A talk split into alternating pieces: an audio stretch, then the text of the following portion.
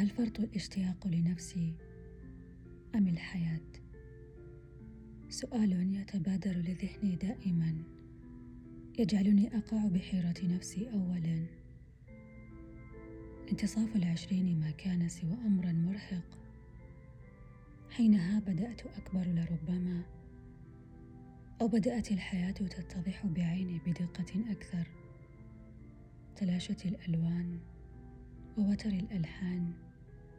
أصبحت غالبا رماديا ولكن لا زلت بأفضل حال وهذا من نعم الله التي لا تحصى. أسعى.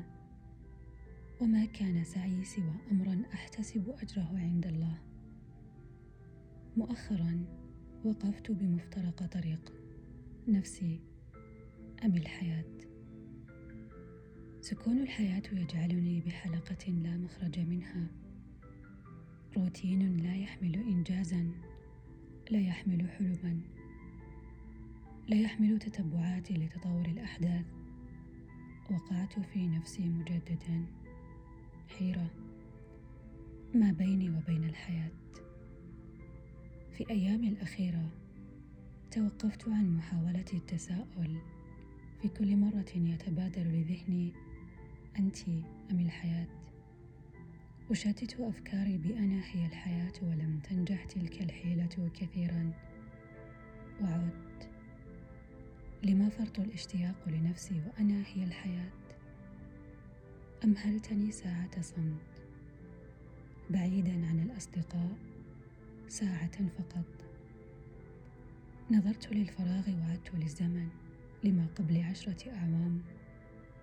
رأيت العديد من الوجوه مر مسمعي ضحكات الماضي. عادت ابتسامتي لوجهي وصوت الحياة يطرق مسامعي ولكن لم أراني كثيرا بين تلك الوجوه. داهم قلبي شعور كموج البحر. ارتطم بصدري شوقا وحنين ولا أخفيكم أمطرت عيناي قليلا. الماضي كان الحياة. شوقي لماضي لا للحياة أو كان ماضي لتلك الحياة. ربما كان ماضينا أجمل وربما عمق وعينا الآن جعلنا ننظر للأمور بمنظور عميق جدا. كنا لا نملك هذا الوعي الذي نحن عليه الآن وربما كثرة الوعي أحيانا قد تكون فينا جزءا حذرا جدا. جزءا. يقتل المتعة أحيانا. قد يكون عبئا. فكنا بالماضي لا نحمل هذا الوعي. فكنا ننظر بطريقة سلسة بسيطة جدا. أتوق شوقا لنفسي بالماضي. أتوق شوقا لنظرتي البريئة التي طالما نظرت بها للأشياء ورسمت مبسمي. وتفكيري المحدود البسيط ولكن دائما يتردد سؤال بذهني. أنت أم الحياة؟